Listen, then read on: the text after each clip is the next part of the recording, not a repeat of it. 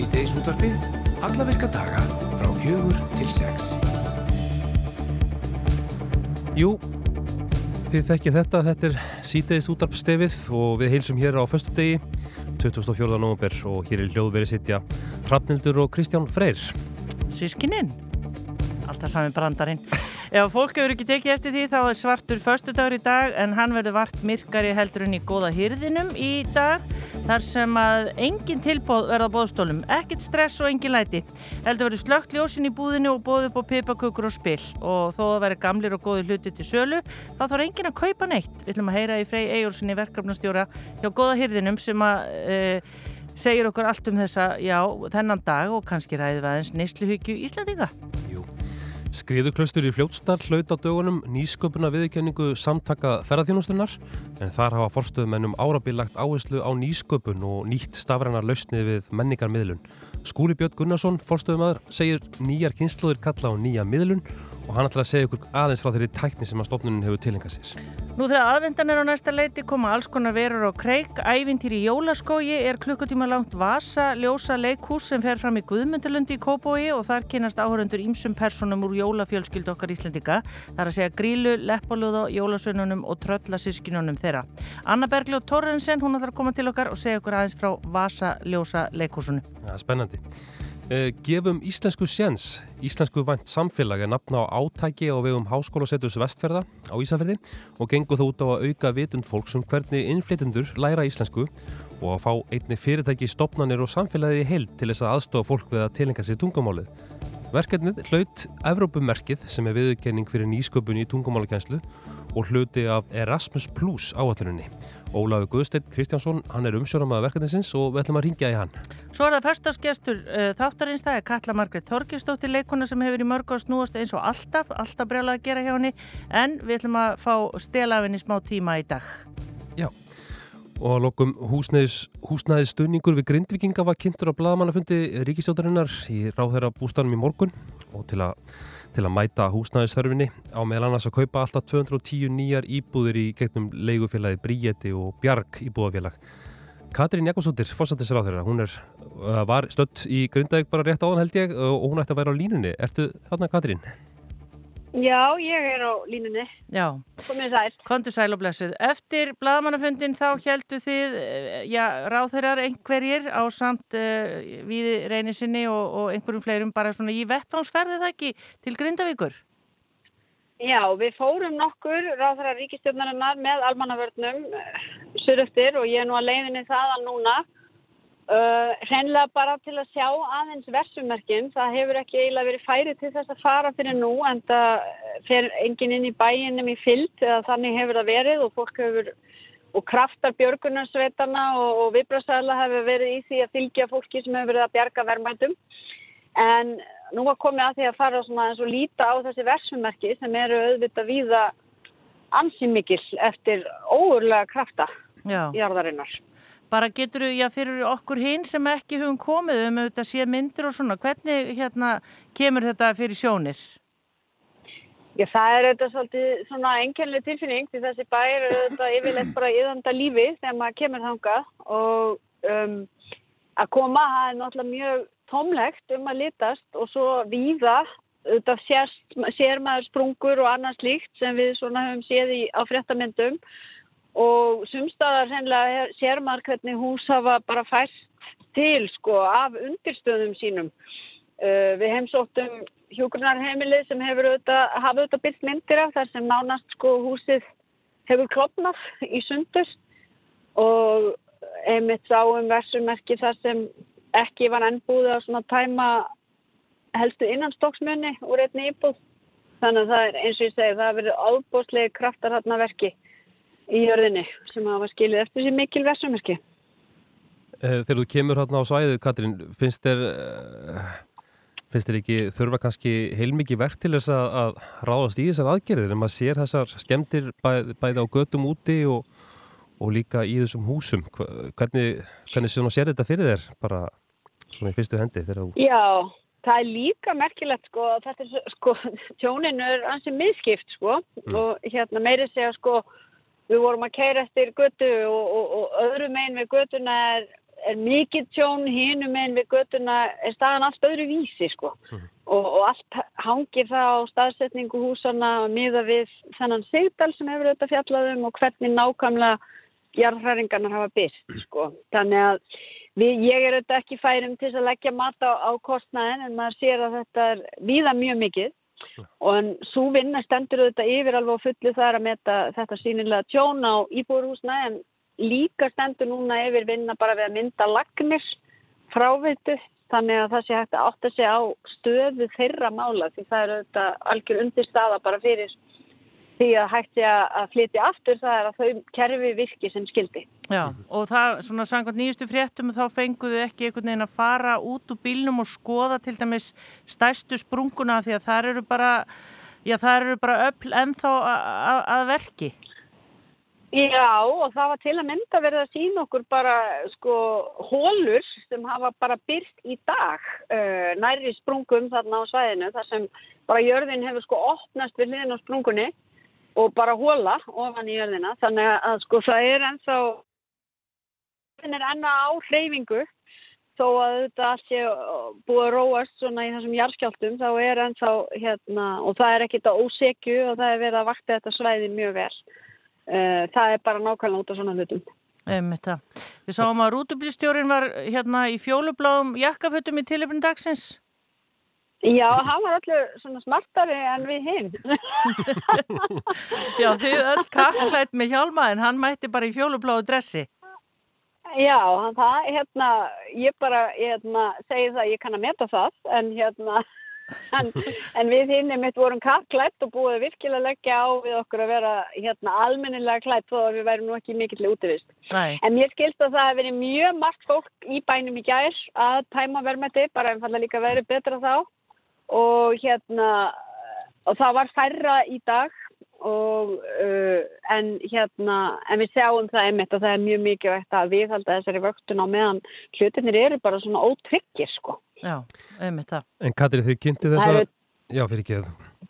Nei bara en svo er þetta verið að fylla upp í sprungur og reyna að hafa svona bráðabyrða vikirir mm. eins og á göttum þannig að það sé ekki en eins og ég segi svo sér maður bara nýjar hólur myndast þannig að það er heilmikið verkefni eftir en þá í því. Já, þið kynntu þessa stuðnísaðgerðir í morgun á, á fundi Ríkisvöldanar og, og hérna þetta er náttúrulega um 200 fjölskyldur sem að þurfa á húsnaði að halda. Uh, hafið þið átt gott samtal við íbúana og, og, og viti kannski af þeirra óskum, þau náttúrulega kannski vilja helst vera á Suðunessum eða á höfbrukarsvæðinu eða hvað? Já, við höfum átt bara gríðilega gott samtal við bæjari veldi í Grindæk mm -hmm. og það er auðvitað þannig að það er ekki hægt einhvern veginn að finna einhverja eina laust sem hendar öllum. Þannig að nýðust á okkar var að annars vera að kynna til söguna þennan húsnæði stuðning þar sé að styðja þau sem eru með aukin húsnæðiskostnað uh, og eru þá að leia sér húsnæði hvað sem það nú er.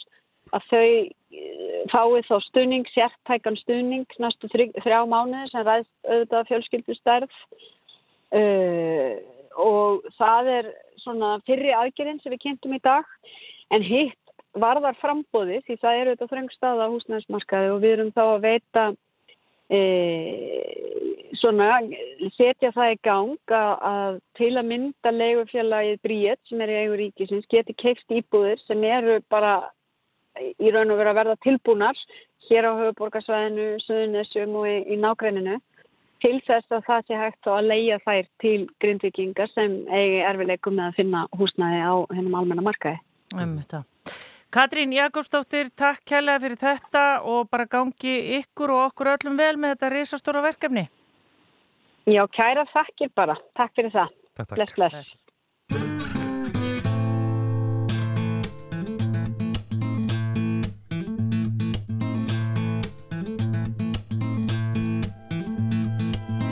I try to do it quietly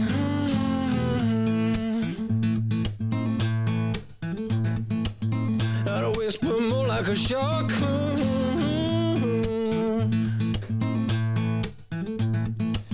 I try to disorganize neatly what to keep and what to block. Mm.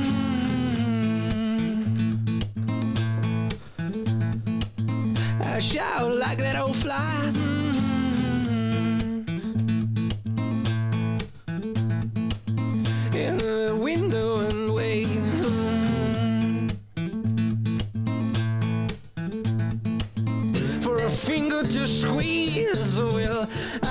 Hesitate?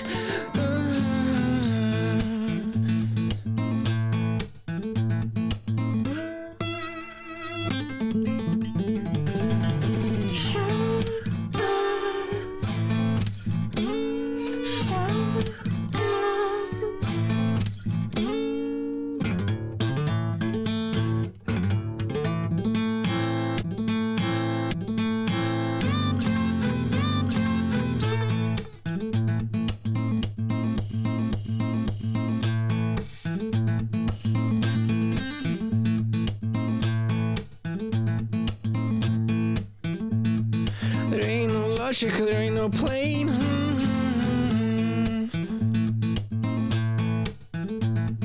No road she can travel free from pain. I'm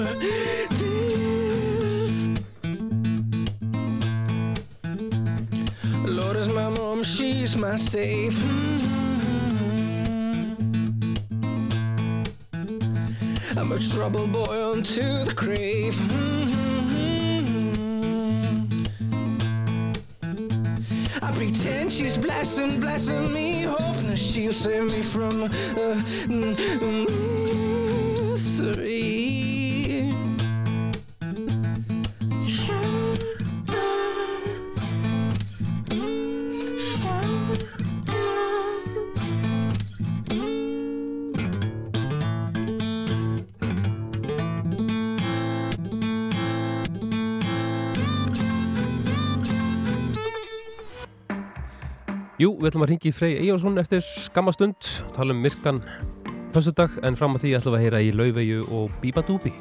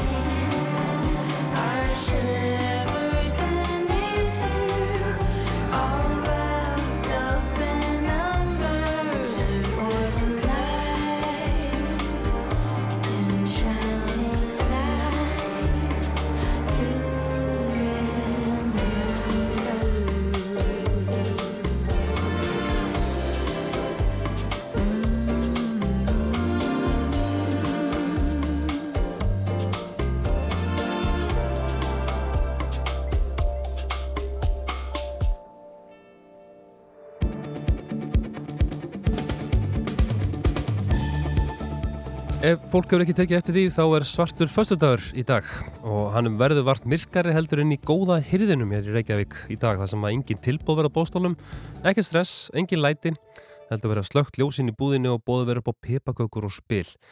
Eh, við ætlum að heyri Frey Eyjólfssoni, hann er auðvitað á línunni, hann er verkandastjóri hjá góða hyrðinum. Sæl Freyr, Já, svolítið blessaðan Kristján. hvað segir hvað er um að vera á, á myrkum föstudegi í góða hyrðinum í dag? Já, við ákveðum bara að slökka ljósinn og, kveikja á svona litlum ramaskertum og hafa ramaskert og spil og pipakökur og svona aðeins bara lástenda rólega stemmingu, ekkert stressingi læti og bjóða bara fólk velkomið og, svona minna kannski aðeins á í leiðinni að, að hérna missa sig ekki alveg í látunum á, á þessum degi vegna þess að með öllum kaupum fylgir jú einhver ábyrð. Já. En finnum við eitthvað í búðinni ef við ætlum að koma eða eru búin að slökka eitt ljós? Jú, það eru þá þegar þrjár konur, eldri konur búin að kvarta, sjá ekki neitt og, og hérna það týndist eitt batna á hann. En það fannum mömmu sína, þannig að hérna við svona hækkuðum aðeins, náðum, fundum aðeins fleiri lampa til að hérna hækka byrtu stíð. En, En er, þetta er búið að fara ágætlega. en hvernig er ekki sérstök tilbúð til endur dagsins? Ekki gillibóð? Nei, ekkert sérstaklega sko. Við erum svona aðeins að, að minna svona á þetta að, að fara aðeins rólega í að kaupa endalust eitthvað nýtt og, og spennandi. Ég er svo sem ekkert eitthvað heilaði sjálfum. Ég er vola gaman að kaupa mér ný fött og einhver ný hérna ramastaki og, og, og kemur bara svona vennilegri fjölskyldið, þú veist, dótti minn var var í kæri í þessari tínu tríkott byður þarna. En, en þú veist, maður þarf bara aðeins að hugsa sig um vegna þess að hérna það bara fylgir því alveg ótrúlega mikið kórumis fótspor að, að framleiða og, og kaupa og selja nýja vörur veist, og slítið þær yfir heimsari þannig að hérna það er ágætt að hafa það í huga að reyna bara að nýta betur hans við eigum og, og, og fara kannski í fataskópin bara hjá pappa og mömmu eða sískinu sínum og, og nota föt sín lengur, kaupa föt sem endast vel og vöru sem endast vel og, og, og náttúrulega að, að, að kaupa nota, það fylgir því notuð vara, þar er ekkert kólarnisfótspor, það er bara, þú veist maður þarf kannski bara þess að laga það Já, ég veit um uh, unga konu sem fór í mitt búðin eitthvað um síðustu helgi og það bara, það likur við að sé hleyftin í hollum. Það er bara frá því að þessi eh, myndarlega og stóra verslun var opnu. Það er, það er búið að vera mikið og, og, og gott að gera. Já, já, það er svona held ég að aukast þessi meðvutundum að, um að uh, kaupa, nota þessi í lægi jafnvel að gefa ammælisgjafur og jólagjafur sem eru notaðar.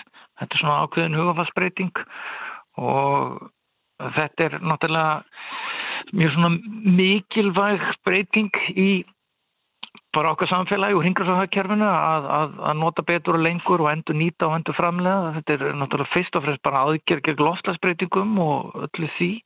Og svo er þetta náttúrulega bara mikil hagkamnastækir. Það er bara miklu, miklu ódýrar að nota hlutinu sína lengur eh, ekki vera bara að vinna og hamast til að kaupa og kaupa og kaupa vegna þess að rannsóknir sína að raunverulega hamingja byggist ekki á því að kaupa sér nýja hluti. Þannig að Mm erum við ekki alltaf að reyna að gera það að hámarka hamingun okkar og, og lámarka þjáningar. En Freyr, ég sá haft eftir þér að við værum mögulega sem þjóð Evrópumestarar í ráftækja úrgangi. Hvað hérna telur að hafi gerst hérna á leiðinni? Erum við alveg hægt að, að til dæmis gera við tækin okkur á tóli? Erum við bara svo gjörn á að fara út í búð og kaupa ný? Já, þetta er svolítið svona bara okkar kynnslóð. Ég menna, ég átti að hafa á ömmu sem að bara gerðu við allt og sögum allt og, veist, voru bara mjög flink og góð í því að eiga hluti og eiga lengi og laga þá og, og búa til og allt þetta og þetta er gert mjög hratt og bara mjög mjög öfgakindum hætti að við erum bara að fara að náttúrulega framlega líka vöru sem endast frekastutt og, og við kaupum allt og mikið og mun meira en við þurfum og, og bandaríska rannsóknir sína til þess að 80% af þeim vöru sem keftir á svona svörtum fæstæði enda í ruslun eftir lita sem enga nótkun og okkar svona neyslu úrgangsmenning er bara mjög lík uh, því sem gengur að gera sér bandaríkjamennum þannig að þú veist og 90% af þeim vörur sem við kaupum bara almennt erum við búin að henda innan 10 ára. Og við sjáum bara, ef við, veist, góði hyrðirinn er ekki bara svona 90 þetta er líka bara dálítið svona satt, þetta er svona nútíma þjóðnina satt hafni bara fullt af svona vörum sem voru bara einmitt á tilbúsverði og allir þurftu og allir voru að kaupa bara fyrir 5 ára síðan. Já, er nokkuð það er ekki ennþá til hérna fótanuttæki, eru þau ekki öll búin? Já, það var svona eitt æði. Það er einmitt mjög svona tákgrænt vara fyrir svona æði sem allir keiftu og allir fengið jólakjöf og, og hérna voru síðan bara veist, komnar í geimslur og árið síður og, og geimdar í geimslum í 20 ár og svo fór þetta að bera eftir. Jú, það er alltaf að finna eitt og eitt. Er það? Ekki. Já, já, já. Var ekki jóla... Og ég menna, þú veist, Já. Var- algjört bull tæki ég meina, mér fannst þetta óægilega spennandi. Mér, mér, ég man og af og amma átti fótanu tæki, mér fannst þetta svo spennandi svo bara, bara eftir svona eitt ár, hvaða bull er þetta eiginlega? Sko ég á svona tæki heima Ha? í bílskútum, já, já, svona kleiról í hérna, bílskunum fótabannustæki, í bílskútum, ég er ekki að nota það mikið eða, en ég ætla ekki að selja það sko, það er við hliðin á Birgitta Haugdaldúkunni en hérna Já, hvað maður getur alveg farið bara í heitapottinu og sett huslunar í, táslunar í bununa, sko. Já, en sko þetta uh, jólagjöf ársins í fyrra gott ef ekki hafi verið erfrægir eða var það kannski fyrir tveimur árum? Já, heldur að, Já. heldur að þið lögum eitthvað á okkur svoleiðis og, og veistu hvað veistu hvað jólagjöf ársins er samkvæmt uh, veslinum núna jólagjöf ársins í ár er, Freyr?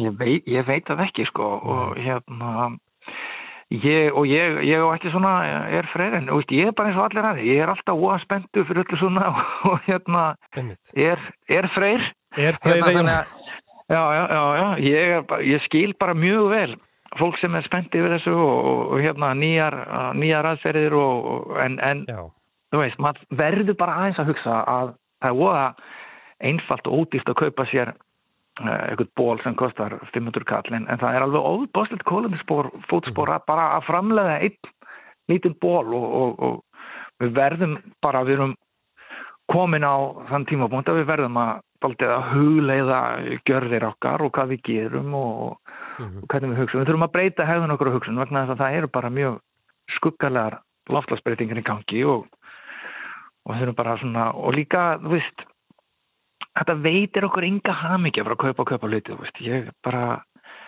hvet alla til þess að hérna hugsa aðeins áður en við hérna kaupum og hendum. já.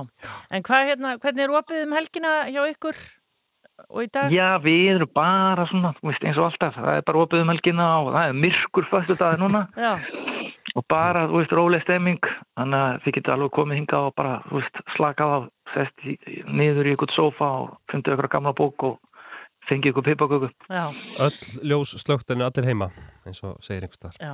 Herðið, það er Já, er auðvitað mannlegt að að falla í freystingar dagsins og um helgina en, en þetta er eh, góð áminning sem þú átt hérna, Freyr, með þessa myrku stærindi sem þú átt að lesa fyrir okkur. já. Takk fyrir ekki? og góða helgi. Takk sem að leið og góða helgi. Já, Góða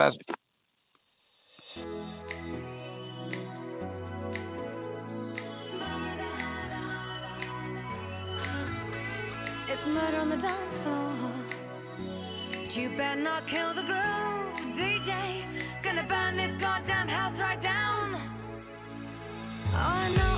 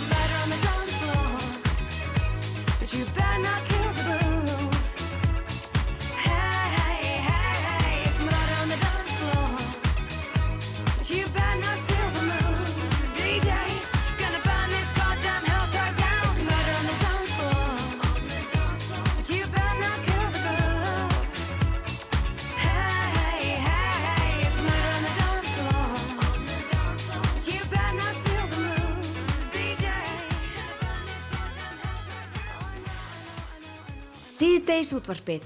Stóru og litlumálin. Frá fjögur til sex á Rástvö. Þetta er Rástvö. Fyrst og fremst.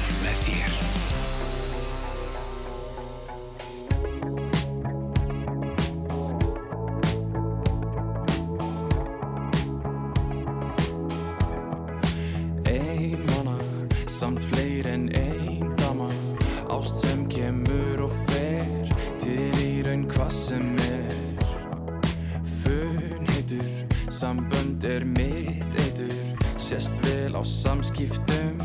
Til launir gangi ekki Sem er hvað það er sem ég get lagað. Því það er eitthvað sem að ég eigði lagt. Jarðaður að eðal kvendi. Skrifa smá skilabóð Tekka mér mynd og sendi. Það er eitthvað hjartan í mér Það heyrist auka slag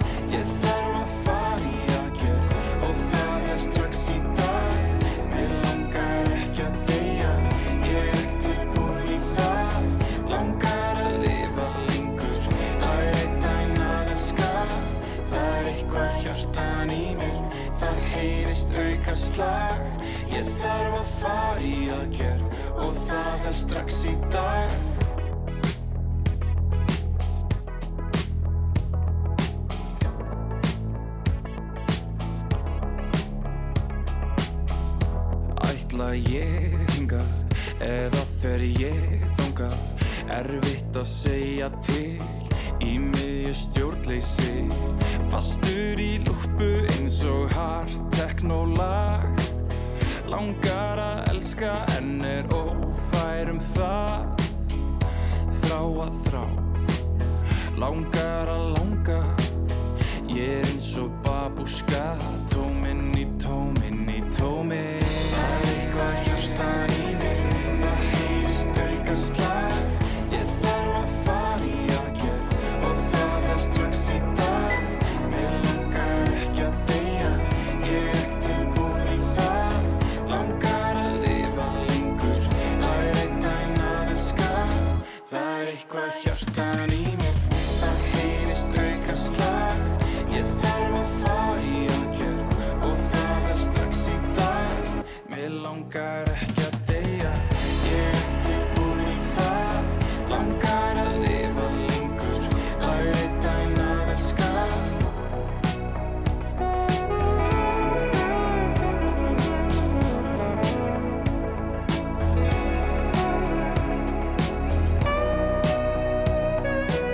hljómsveitinn Hipsum Haps og lag sem að heitir Hjarta. Verulega gott lag þarna á ferðinni. Verulega gott lag.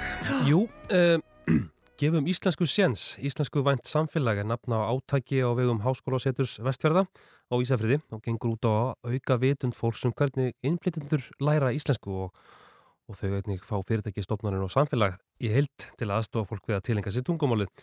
Uh, Ólafur Guðsteinn Kristjánsson, hann er umsjónamaður verkefnisins sem að hlaut Evrópumerkið á dögunum sem er viðurkenning fyrir nýsköpun í tungumálakenslu. Sæll, vertu Ólafur Guðsteinn? Já, heil og sæl. Uh, til hamingjum með, uh, með viðurkenninguna. Já, kæra þakki fyrir það. Við kannski bara byrjum á því að spyrja það aðeins út í verkefnið. Hvernig um hvað snýst gefum íslensku séns, ef þú skýrir það svona aðeins Já?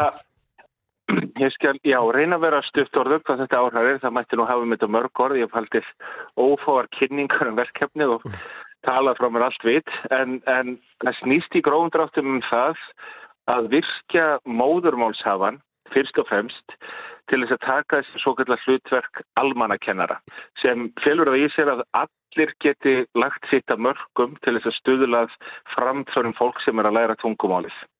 Það er rauninni það sem að snýst um í grófum dráttum uh, stundum fyrir viðbörðum, þar sem við leiðum saman þá sem læra, móðurmálsafa og líka þá sem að kunna mjög góð skila málinu. Og búum til aðstöður þar sem að fólk sem er að læra fær tækifæri til þess að nota tungumáli til þess að verða betri fyrir að segir sér sjálft að ef að maður notar ekki tungumálið þá verður nærmar ekki neinum framförum. Og ef maður talar alltaf ennsku þá lærir maður ekki íslensku. Þannig að uh, við, við, við þykjumst þess fullviss að sem uh, er oft til vansa fyrir þá sem vilja læra tungumálið er það að þeim er yfirlega svarað á ennsku að því að skilabóðin eru syngt og heilagt það er ok að tala ennskum Íslendingar vilja stæra sig af því að, að hafa ágætt skil að, að, að kunna ágætt skil á yngva framkvæmum til dags og, og þarf að í göttunum. Þannig að þetta snýst um uh, vítundarvakningu kakvall móðumálshöfum að þeir geti lagt sitt að mörgum án þess að vera einhverju sérfræðingar í, í íslensku, án þess að vera íslensku fræðingar eða íslensku kennarar og þarf að í göttunum. Þannig að þetta er það sem þetta snýst um í gróðan áttum. Þannig að er þess að allt næri samfélagi þetta fyrir vestan að, að kenna í raun og veru? Eru þá allir kennarar bara? Það er óskandi, já, kannski verður það þeirra framlýða stundir, en ekki alveg svo gott, en svo segir mér hugur allavega að fólk hugsi sig um áður en það þess að talar við fólk sem hefur reym eða beigir kannski ekki orðið hestur korrekt og þarf að meiti göttunum, að það hugsi sig um áður en það skiptir yfir á, yfir á ennsku og þá er, þá er þetta mikið mikið til unnis. Já. Því að þetta snýst lóta líkum það, vitundavakningi snýst um það að það er hægt að laga málsnið sitt af, af þörfum þeirra sem að tala. Þannig að maður talar öðruvísi við afagamla heldur en við uh, æsku vininn og á sama, að samaskapi getur maður talað öðruvísi við þar sem er að læra og komin skemur á veg heldur en sá sem er komin langt á veg. Það, það á eiginlega líka í ég ætla að segja augum úti uh, til þess að vitna í frækt, frækt lag en, en, en það á að líka í ja, augum uppi. En, en, það er, gerir það ekki alltaf. En erum við ekki bara líka oft, við erum svo óþólumóð, ef einhver er ekki bara alveg komin með íslenskuna, þá skiptum við í ennsku, við nennum ekki að býða. Það, það vill oft brenna við jú. En svo segjum við nú hugur að, að hlutinni gangi nú aðeins hægar fyrir sig hér fyrir vestan. Þess sem að er svona aðeins rólera heldur en fyrir sunnan í, í sollinum ég, ég segi það innan gæðsaleppa sollinum, þetta var nú uh, grínakt út hjá mér. En uh, svo segjum við hugur að við höfum aðeins meiri þólinnmæði hér. Og þess fyrir utan þá er löng saga uh, fjölmenningar hér á vestfjörðum af því að það var lengi vel sá hlutur lands, hluti landsins þar sem hvað flestir voru að vera eitthvað ekki brotnir.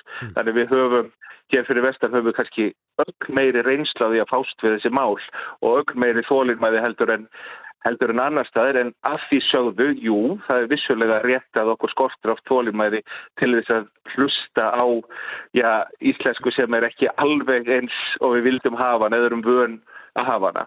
Mm. Og því þarf að breyta, því þarf að breyta því að það er liggur, því að það er alveg augljóst mála við skiptum alltaf yfir á ennsku og nennum ekki að tala við það fólk sem leggur á sig að læra málið, nú, þá, þá verða þau ekki betri.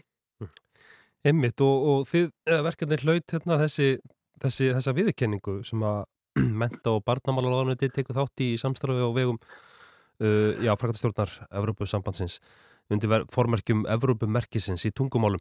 Hva, hvaða þýðingu, hefur þetta ekki þýðingu fyrir ykkur? Ég, nú getur maður áfram. annan mætarmann, Mhm. nú getur maður vitnað í annan mann, þetta er Bunch of Money, en, en það er nótt, já, já, sko fyrst, fyrst og fremst þá kannski getur orðað sem svo að uh, ef merki þýðir það að þetta er ekki bara einhverju förðufuglar við um háskólasettur vestjörða og reyndar fræðslu miðstöðar vestjörða líka, vel að merkja, sem að vilja þvinga alla til að tala íslensku. Heldur það þýðir það að það kannski líkur eitthvað meira baki og, og þetta er þá vonandi hvaðning ekki bara fyrir okkur, heldur líka bara fyrir samfélagið sem heilt, því að þetta sýnir alltaf vest fyrir jákvæðu ljósi líka, að þessi staður þar sem að fólk geti gengið sem vísu að geta æft sig í íslensku. Og uh, já, en allavega fyrst og fremst þýðir þetta jú bara hvaðning fyrir okkur. Og það fylgja þessu velun, uh, vel- velunum peningars sem er nú kannski ekki til rísastór upphæð en fyrir 500.000 krónur sem við fáum er þetta að gera mjög mikið því að allt það sem við stöndum fyrir kostar já, skít og kanil, svo að segja. Uh, við stöndum, við reynum alltaf að stöðla því að það sé til til ódýrt að standa þessu.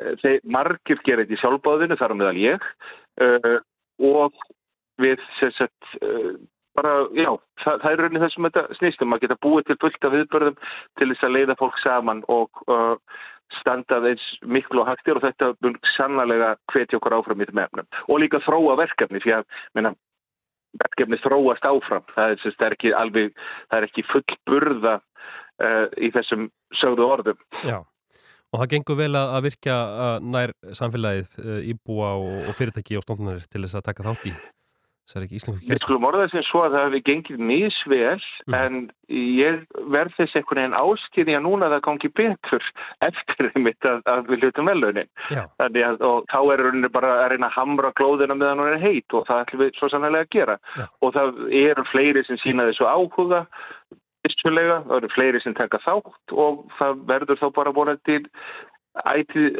ætið, fleiri og fleiri þangað til ég ætla nú ekki að segja allt samfélagið en, en það verði það mm, rík vitundavakning að, að fólk sé almennt sé meðvitað um þetta, hvort sem taka þátt í þessu ekki. Já, Ólafur, hérna, takk fyrir þetta og að hérna, fara vel yfir þetta og við bara sendum bestu kvæður, það liggur í augum úti að munur verða meiri hérna, viðtöku við þessu verkefni. Takk fyrir og bestu kvæður, vestur. Kæra, já, kæra þakkir sömuleiðis. Já, bestu, kveðið söður. Bestu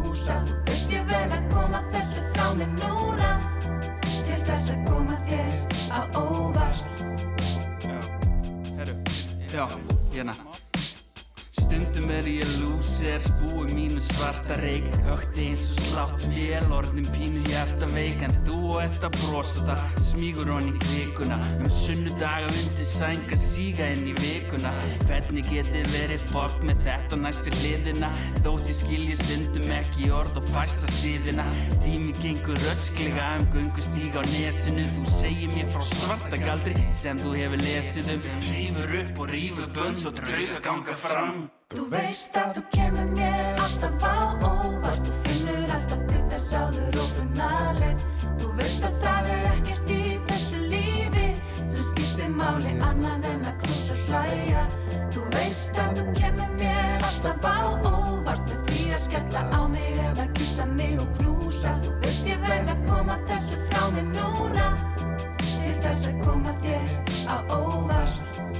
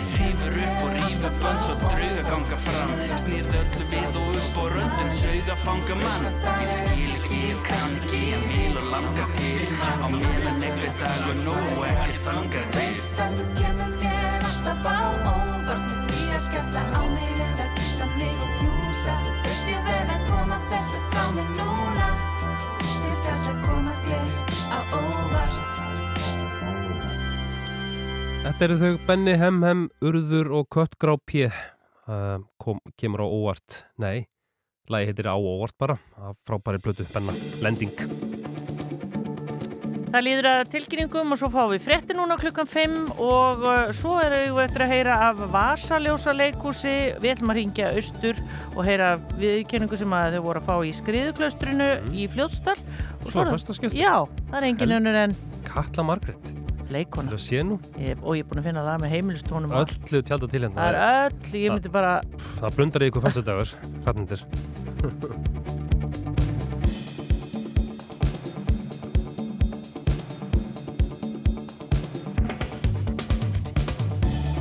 Rástvö Þú ert að hlusta á síðdeis útvarpið á Rástvö Þá höldum við að stað í setni klukkutíman hér í Sittis útvarpuna Rás 2. Ég og Kristján Freyr, ég, Hrafnildur, Haldós, vita náttúrulega allir, nei, grín.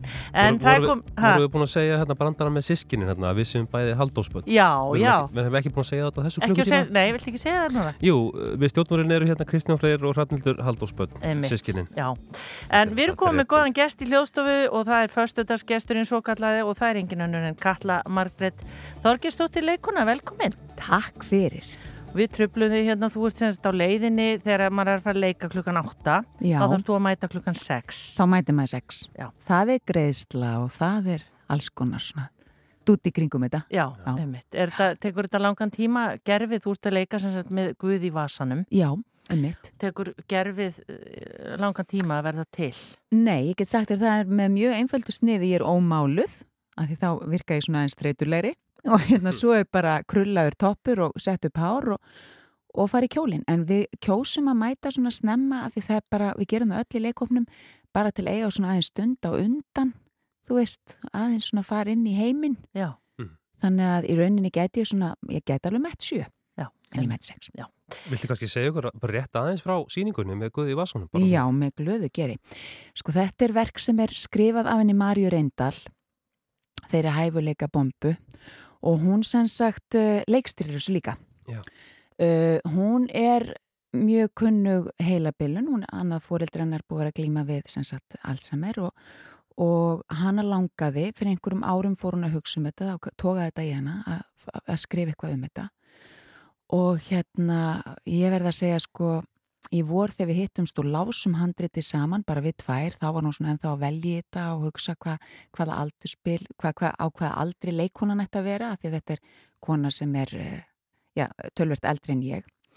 Og hérna þá man ég bara eftir þessum hughrifum af því bara að lesa þetta svona svart á hvítu og ég bara mér bara fjallust hendur sko, þetta var svo vel gert hjá henni og svo mikið innsægi og heiðarleiki og einhvern veginn sko ég bara ótrúlega falleg vinna hjá henni Maríu. Já.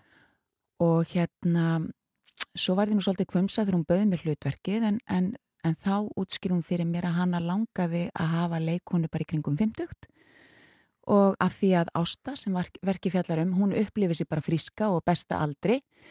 En svo náttúrulega fer að hallundan fæti þegar sjúkdómurinn ágerist þannig að uh, þá er hægt að leika líka svona breyðari aldur Já. Mm. Það- Ég er búin að sjá hérna sýninguna, það sem er líka svo áhugavert fyrir eh, bara okkur sem sjáum þetta að það er sínt inn í hugarheim þess sem er veikur. Ymmit. Hvernig, hérna, eh, var það ekki ótrúlega eitthvað mikil áskorun?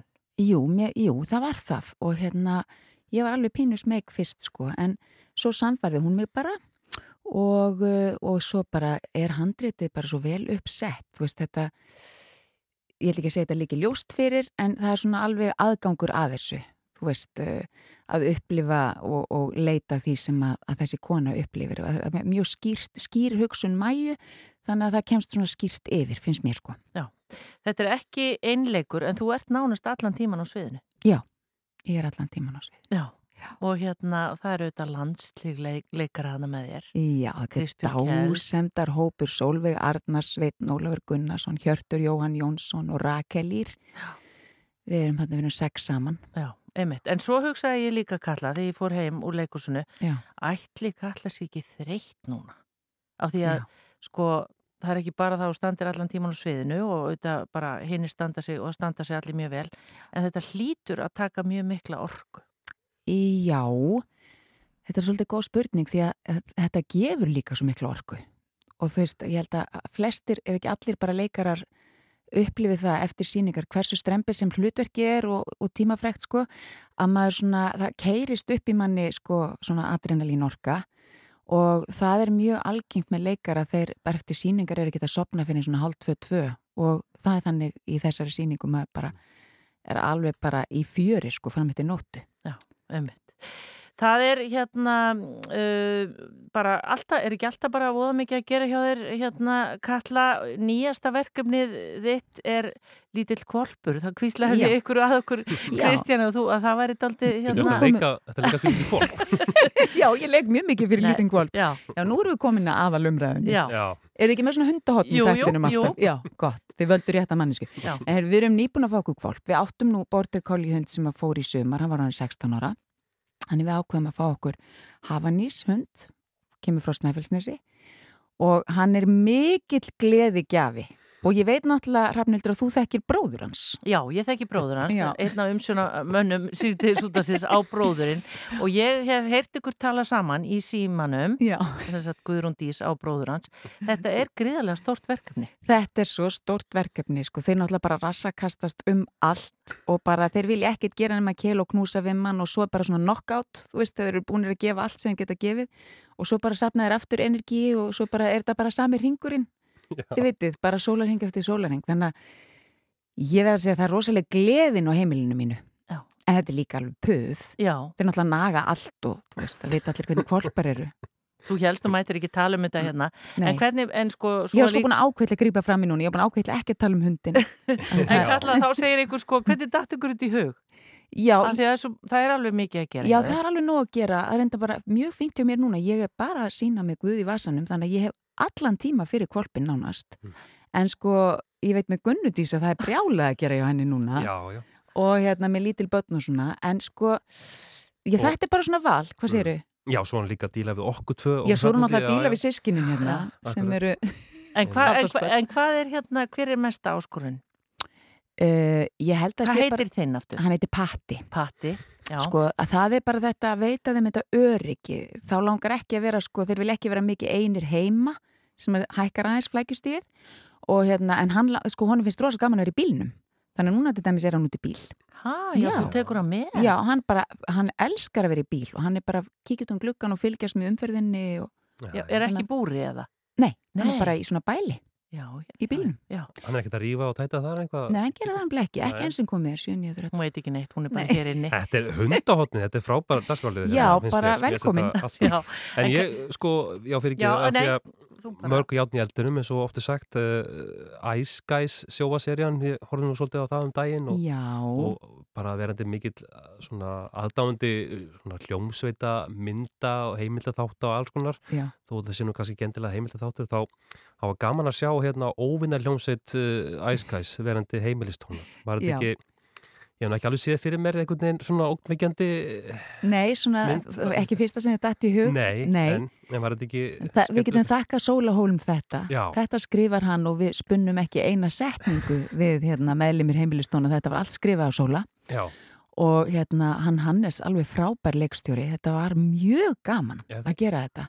Og þeir eru náttúrulega hver öðrum flinkari þessi menn, veist, þeir eru svo bara allir góði leikarar, ert þú búin að sjá þetta líka? Nei. Nei, þetta er svo skemmtilegt Það segja allir við mig sko, þetta kemur svo óvart. Já, Mhm. en nákvæmlega Já. Einmitt, Þetta er bara svo fyndið líka, finnst þið fannst þið ekki? Jú, virkilega skemmtilegt Já, og, og hressandi hérna, þarna sérst er það svolítið að klást þarna í, í hljóðveri hérna, heimilistónar og, og þessi hljómsett Ice Guys sem er verið að forma strákaband og, og stelpuband Já. má segja Já, já, já, já. Grí- Og- Grílurnar og stuðmenn. Já, já, þetta er svolítið harðveri ríkur sko Já. Þetta er bara allt sagt. En hvað, en hvað er þá frétta af heimilistónum? Jú, það er, nú fer eitthvað sko að fara að frétta heimilistónum því að við sko gáum út jólaplöti fyrra og við vorum með uh, tónleika í mál og menningu og við ætlum að gera það aftur býst ég við sko, við byrjum alltaf að plana bara svona í lókun of, byrjum des þannig að Já, og er það þá bara eitthvað núna sem vilt eh, bara fyrir jól eða? Já, þá bara, já, já við erum við mjög afslappaðar með þetta, við bara hendum í þetta með litlum fyrirvara og þetta er káttist. Já, gaman. Eins og það á að vera, sko. Já. Uh, af því þú talar um jól, Kalla, hvað ertu Mhm. jólabarn? Já. Hvernig Ég- þá? Bara baka og stúsast Já, og bara, mér finnst gaman að kaupa gjafir. Mér finnst mjög gaman að taka með tími að velja gjafir og kaupa og, og hérna, já, ég bara, og allur maturinn og allt þetta, öll þessi kósi heiti, mann er annað hægt. Og hefðir og... Hefðir og, já, já, já, já. Og ég er í tveimur, sko, sem er svo gaman, við erum vinkonundar, erum með svona söngkóp. Og við förum í svona sjálfbúðavinn og syngjum á dvalarheimilum. Sex vinkonur, já, veljum okkur svona kannski tvö dvalarheimili. Og svo er ég búin að stopna með frængu mínum annan söngkóp sem, og við erum alveg svona 10-15 sem förum líka á syngjum Hvað að segir Þetta er skemmtileg hefð Og er það að syngja bara jólalög? Já, bara með gítar og svo uh, tvíratað og jafnvel þríratað eitt og eitt lag, þannig að það er alveg metnaður sko. Þannig að það er tón, tóneira í frængunum? Eða? Já, það er rosalega flottur á öllum aldri og rosa fína söngunur Já, já, já. Er Já. Ertu búin að venja, velja jólafötin á pattaleilla? Já, Það er svo leiðis. já, ég, ég Þetta er að vera svolítið skrítið viðtalið, ekki? Nei, ég var mjög, ég var alveg harða á hvernig ég myndi spyrja út í hann. Heyrði, ég fann rauða slöfu. Ah. Ég vissi að Gunnar sé líka búin að kaupa hana. Já, já. Já, já. Hún hlýtur eiginlega vera, hún var búin að tala um hana sko, Já. slöfuna, hún var búin að sjá hana og raka augun í hana. Já. En, en þú veist, hann er út í bíl núna, þú Já. svo að fara í leikúsið. Já. Hvað gerir hann með hana með er? Já, maðurinn minn kemur upp í leikús og sækir hann. Já, já. Þangað. Já, já, þannig að það er ekki þetta að skilja hann eftir Já, einan. hann geltir svo mikið þannig einn heima, það er ekki alveg í bóði fyrir nágrannana. Já. Er ekki hérna, er eitthvað útsið með hversu lengi með Guði Vasanum verður sínt kalla? Bara eins lengi og... Sko bara eins lengi og fólk kemur og hérna þetta lofa bara góðu, það er fín aðsókn og, og ég á ekki vona öðru en þetta bara að halda eitthvað áfram eftir áramót. Já, ég, ég býst við því. Já, Já. algjörlega. Mæli með, takk fyrir komuna ynga Já. Kalla, byggðum með heilsa patta og þetta hinum í fjölskyldinni og öllum í leikusinu og bara takk fyrir að vera festaskestur. Takk fyrir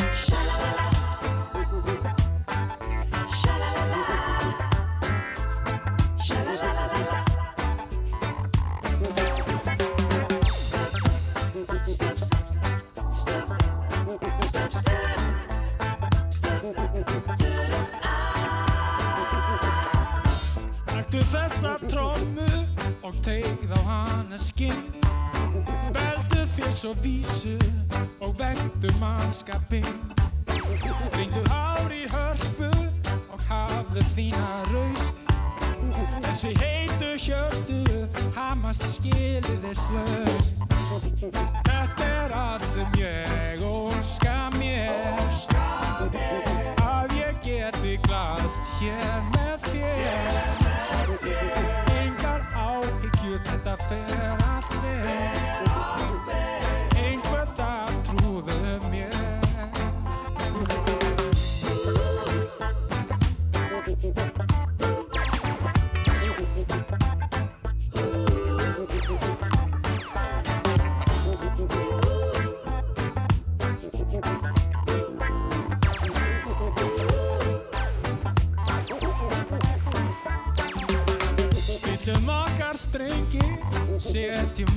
Markið hátt. Lifum vel og lengi, þá leiðist okkur það. Hafi ég á hendi, heimsins bestu spil. Sorgirna þá sendi í svartan myrkan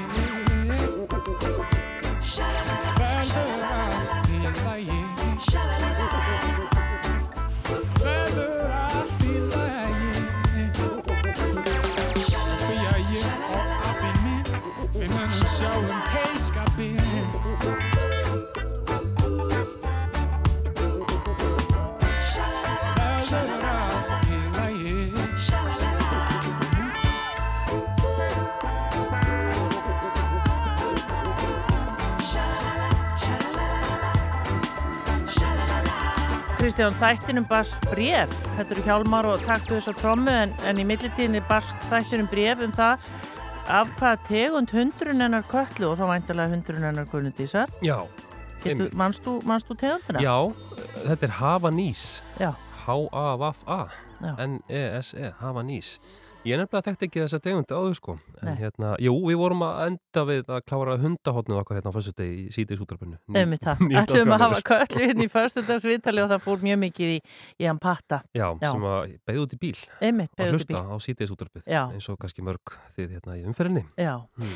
en uh, skriðuklaustur í Fljóstal hlaut nýsköpunar viðkynningu samtaka ferðarþjónustunar, það var einmitt þessi 25 ára ammælisrástefna á dögunum og uh, forstöðumann þar á bæ hafum árabil lagt áherslu á nýsköpun og nýtt stafranar lausnir við menningarmiðlun og við erum konið í sambandi við Skúlabjörn Gunnarsson, hann er forstöðumadur, uh, sælablesaður.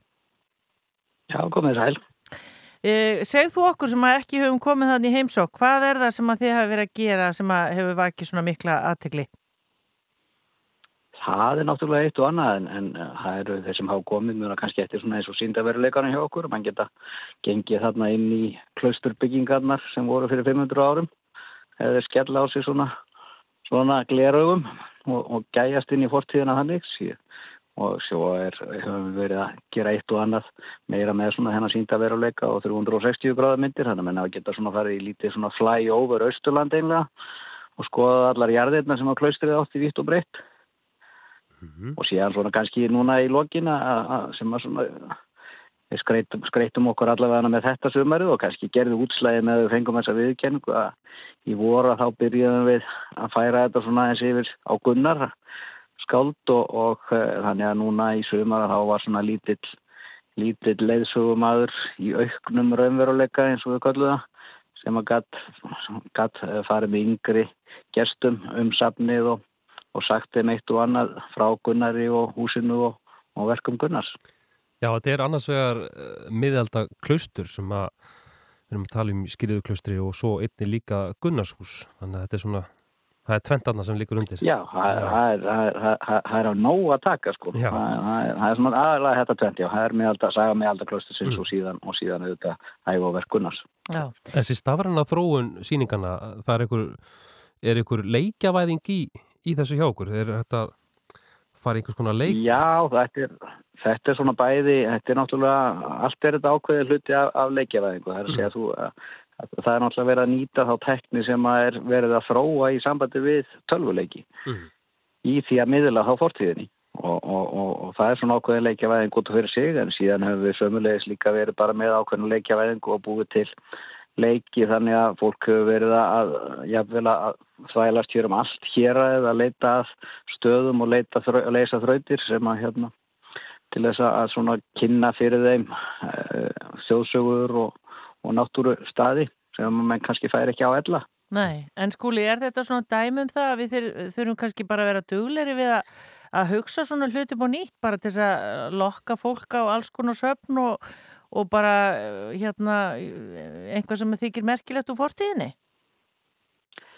Já, ég er alveg þeirra skoðunar að það sé mjög mikilvægt að nota allar þessar stafrænu lausnir sem, að, sem að eru bara, það er nýja á hverjum degi sko sem að bætist við og e, er kynnslóðir sem eru að vaks úr grasi núna, það er þekkja ekkit annað heldur en að vera að nota snjálfsíman sinn eitthvað og ef við ætlum ekki að fylgja, fylgja, fylgjast með í, í við menningamilunna á söfnum og setrum að þá, þá bara getum við loka strax held ég því að við verðum að, við verðum að fylgjast með í tækninni og, og, og nota öll þessi tækifæri því að þetta býður upp á svo, þetta býður svona upp á þessa lagskiptingu sem við getum talað um, það er oft talað um að flysja laukin sko að hérna þú, þú getur flett svona lögunum af upplýsingum og stoppa það sem þú vilt þannig að þetta býður upp á möguleikana á svona meiri persónulegri upplifinu sjálfum sér. Já. Eru margir, sagt, eða bara hvernig er staða núna svona yfir háveturinn eins og hjá ykkur? Er, er safnið opið eða hvernig er þetta? Já, við erum svona í vetrarfasanum og þá við svona meira í viðburðum. Það voru reytöfundur á ferðinu síðustu helgi og, og eftir viku að þá, þá geti verið að gríla og leppa lúði, bönguð á dyr og, og, og síðan svona lesið upp úr aðvendu og þannig að þetta er svona fastir, meira fastir viðburður sem við erum með eftir, eftir að komið fram í nóvambur. Já, þannig að það er þá kannski frekar svona fyrir íslenska ferðamenn eða hvað? Í það er svo sem bara, jú, við, ég hef ekki segja að við séum kannski meira svona sinna heima markaðnum bara á, á, í vetrinum með að vera með svona viðburði. Já, einmitt. Þetta lítur að hafa gefið ykkur svona byrjundi báða vangi, skuli, allir bara halda áfram í, í þessari vegfæri eða hvað? Já, já, já, það er engan bilbú á okkur að finna með það og, og svona viðkenningu þetta segir, segir manni að það, það, er allavega einhverju sem að halda að maður sé á réttir leið. Já, einmitt það. Heldur að Gunnar í Gunnarsinni líki vel við sýninguna að það myndi fara og skoða Já, ég er alveg, ég er alveg vissum að að hann er bara mjög, mjög hérna, væri, væri hrifin að hérna ugga litla sem að er náttúrulega hann sjálfur í fjallkirkjunni í sjálfu sér og það er Já. hann sem að við erum búin að endur skapa í þessum aukna raunveruleika og byrtist á tölvurskjánum Mhm. á veldum stöðum fyrir, og, og, og segir sögu sína. Þannig að uggilitli leiðir gesti um, um sýninguna þannilega. Já, já. Skemmtilegt. Frábært, til hamingi með þetta nýsköpunar viðkynning samtaka ferðarþjónustunar eh, sem sagt í, eh, var hérna veikt skriðu klaustri Mm. í Fljótsdal. Skúli Björn Gunnarsson, fórstöðumaður, takk fyrir spjalli. Er ekki annars allt gott á austan? Hvernig er veðrið? Jú, allt gott, stilt og fallit veður og jóla skreitingarna farnar að segja til sín á eiginstöðum. Já, einmitt það. Aðvendu kvæður í Gunnarshús. Já. Takk fyrir sömuleiðis. Bless, bless. Bless.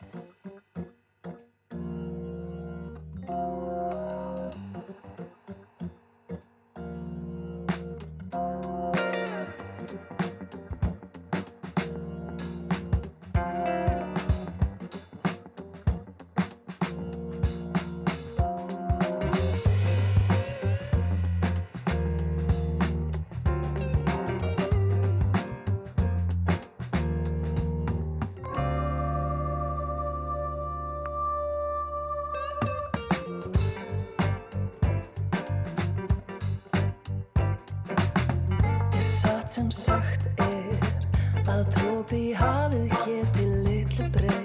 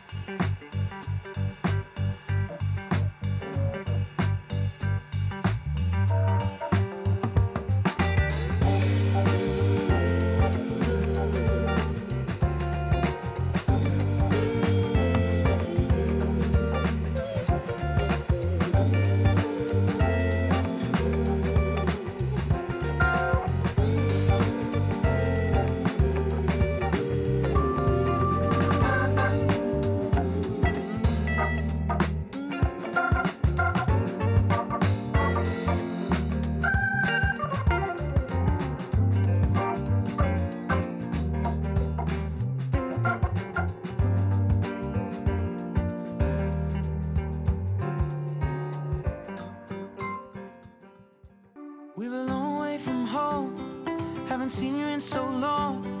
But it all came back in one moment. And the year started cold. But I didn't notice it all. And we found there's a room we're both in. We get Chinese food in small white boxes. Live the life we saw in Friends. Your room, it barely fits the mattress. Wake up, leave for work again. The wind, it seems to blow right through Down jackets are the trend. The rush of rushing deep into love. English girl in an American town. No elevator to the fifth floor. I'll ring on the buzzer, then you'll be right down. I wish time would freeze. Dungarees over the hoodie we're out. Feet are three feet off the ground. Lost in love and we don't wanna be found. It's just you and me. My English girl in an American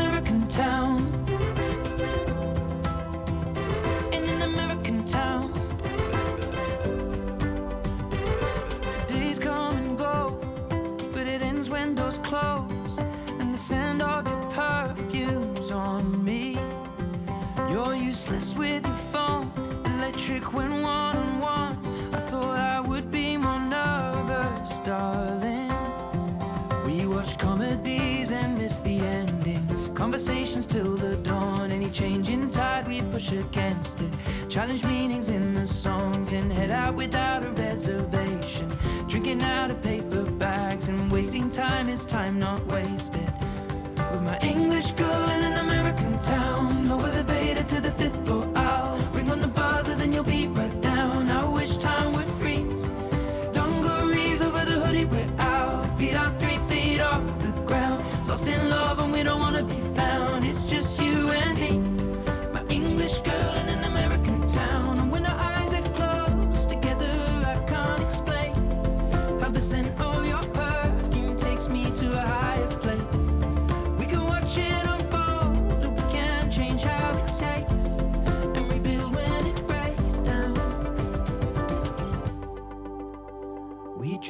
Moscow mules and steal the cups from mostly the Bowery Bar. What a perfect day to fall in love on. What a way to make a start. It appears when you think all is lost, then you don't remember when it started. Never have to pretend. With my English girl in an American town, no elevator to the fifth floor. I'll ring on the buzzer, then you'll be right down.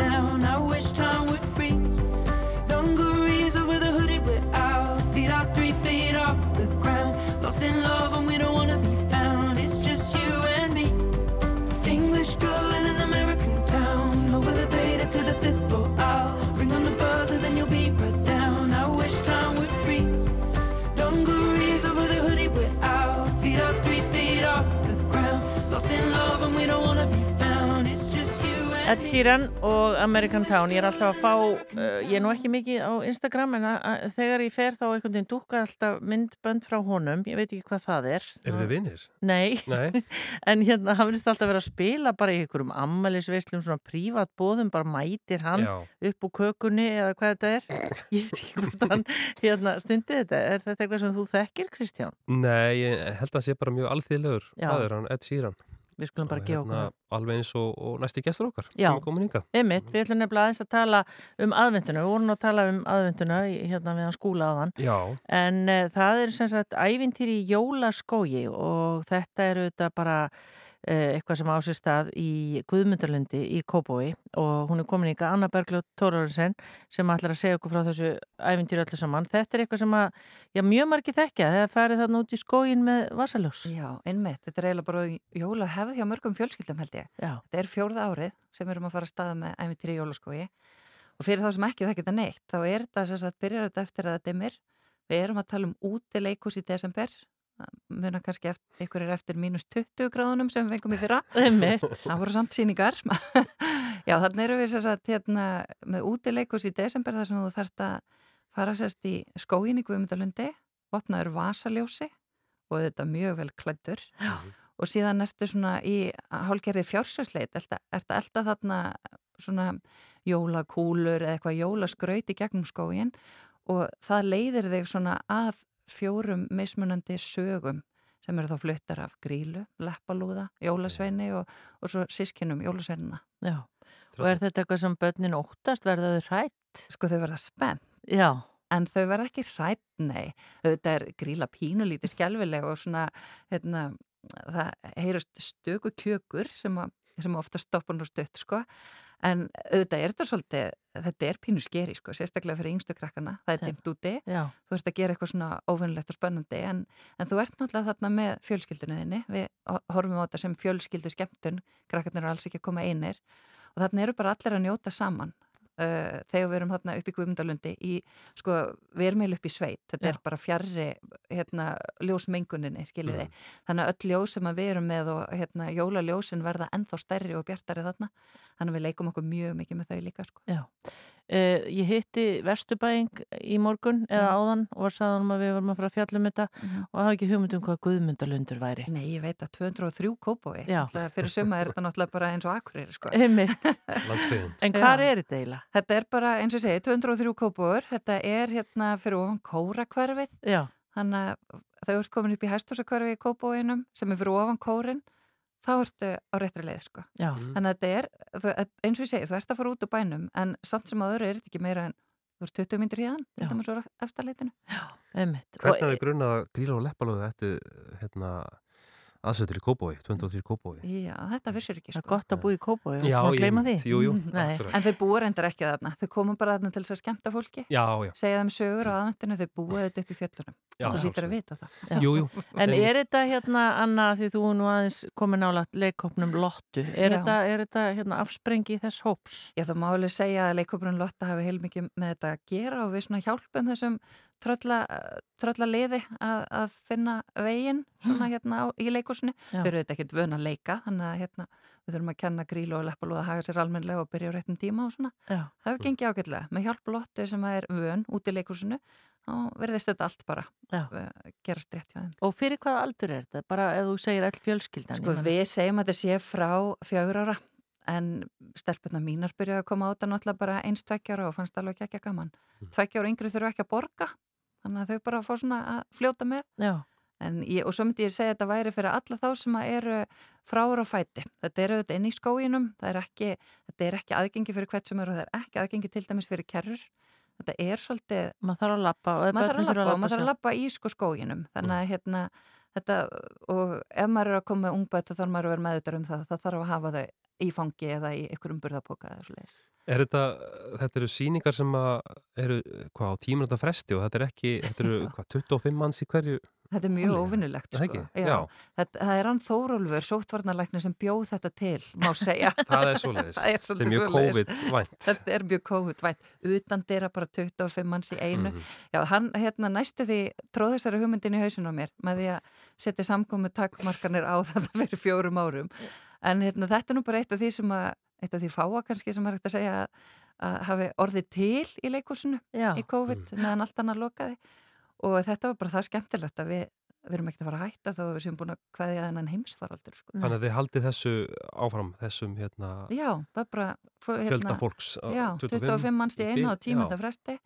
Leiksýningin er klukkutími Mhm. þó að við sjáum alltaf bara nýja leiksýning byrja eftir tíu myndir það er bara Já. næsti hópur sem legg- leggur það á stað þannig að þetta er svona að þið fara svona eins og í halarófu í gegnum skógin svo enda allir á heitu kakó og peipakökum í lokin Já, og hvar fær fólk miða? Það er bara tix.is en það er reyndar erfitt að fá miða það er ansi fullt á þetta Já, er það? en hérna ég hvet fólk bara til þess að rífa sig ná síðustu mólunum Já, en svo sagður mér að Kópásbær ætlar að bjóða eh, í eitthvað slíkt á hvað, morgun? Já, það er nú ekki leikritið. Nú erum við bara að tala um sama stað, Guðmundalund 203 Kópói, en Kópóður er að fara á stað með bara nýjan viðburð á aðvendinni, byrjar á sunnudaginn. Já, það er á sunnudaginn. Já, og verður alla sunnudaga, sem sagt, fram á jólum, Já. fjóra sunnudaga fram á jólum.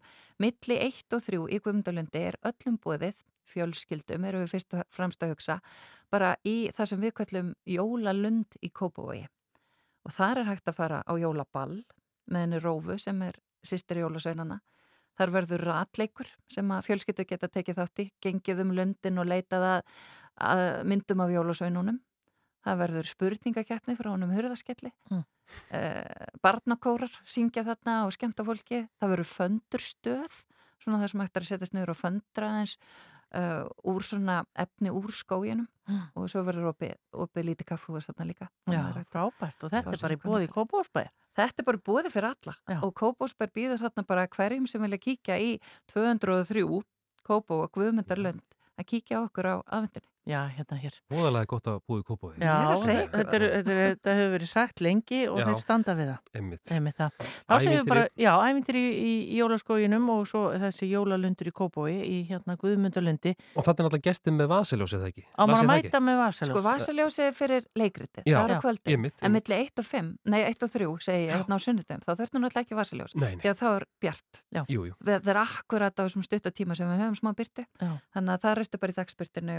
Er er dag, hann alltaf var svartu fössari eða ekki? Já, Eða- en það var ekki í dag En hérna, en sem sagt, þannig að þeir sem að fá miða á ykkur á hérna, þeir eru að mæta með vasaljós. það er Já. bráðnæsilegt Líkilatri. Líkilatri Takk fyrir komuna. Anna Bergljóð Tóransen og bara góða skemmtun. Takk fyrir mig. Takk fyrir komuna.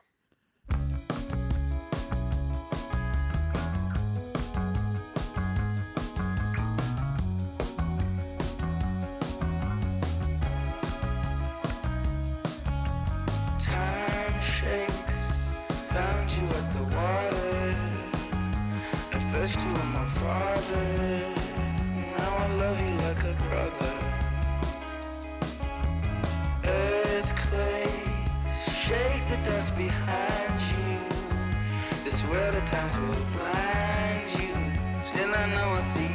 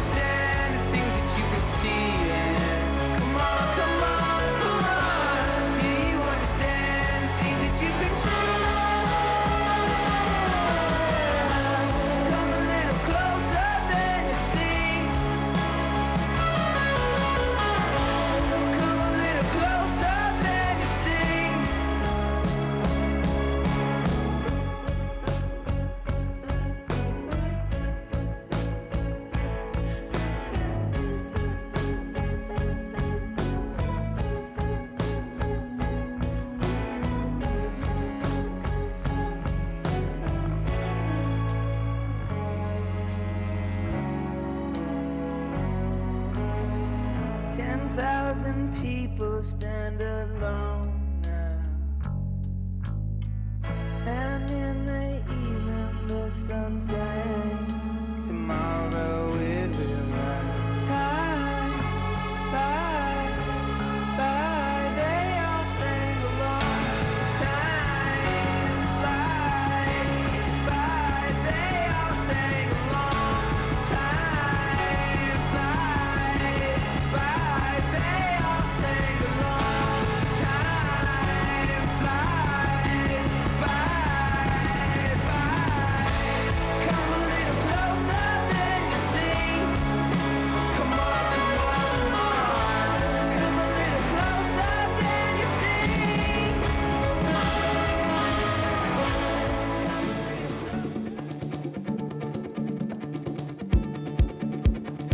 Kristján, við höfum ekki eftir að gera neitt annað en að kveðja og bara vonast til þess að fólk hafa það bara gott. Það líður alltaf svo fljótt eða gaman. Já, einmitt. Föstu degi og við erum búin að fara yfir ansimart. Er það föstudagspítsan hjá þér? Landsókn á milli. Já, konan er að fara jólálhaldbúr þannig að ég þarf að sinna börnum og svona. Já, Ég- pizza fyrir einn. Við sjáum til með það en já, við erum búin að koma víða við og Já. allt og langt að fara að telja það allt upp við viljum frekar að leifa Ellen Kristjánsdóttur að enda þetta í dag fyrir okkur og þessum föstudegi sendum bara kveðjur út í kosmosu og heyrumst aftur á mándaginu, það ekki? Jú, bara góða helgi, kæri hlustendur og takk fyrir að vera með okkur í dag.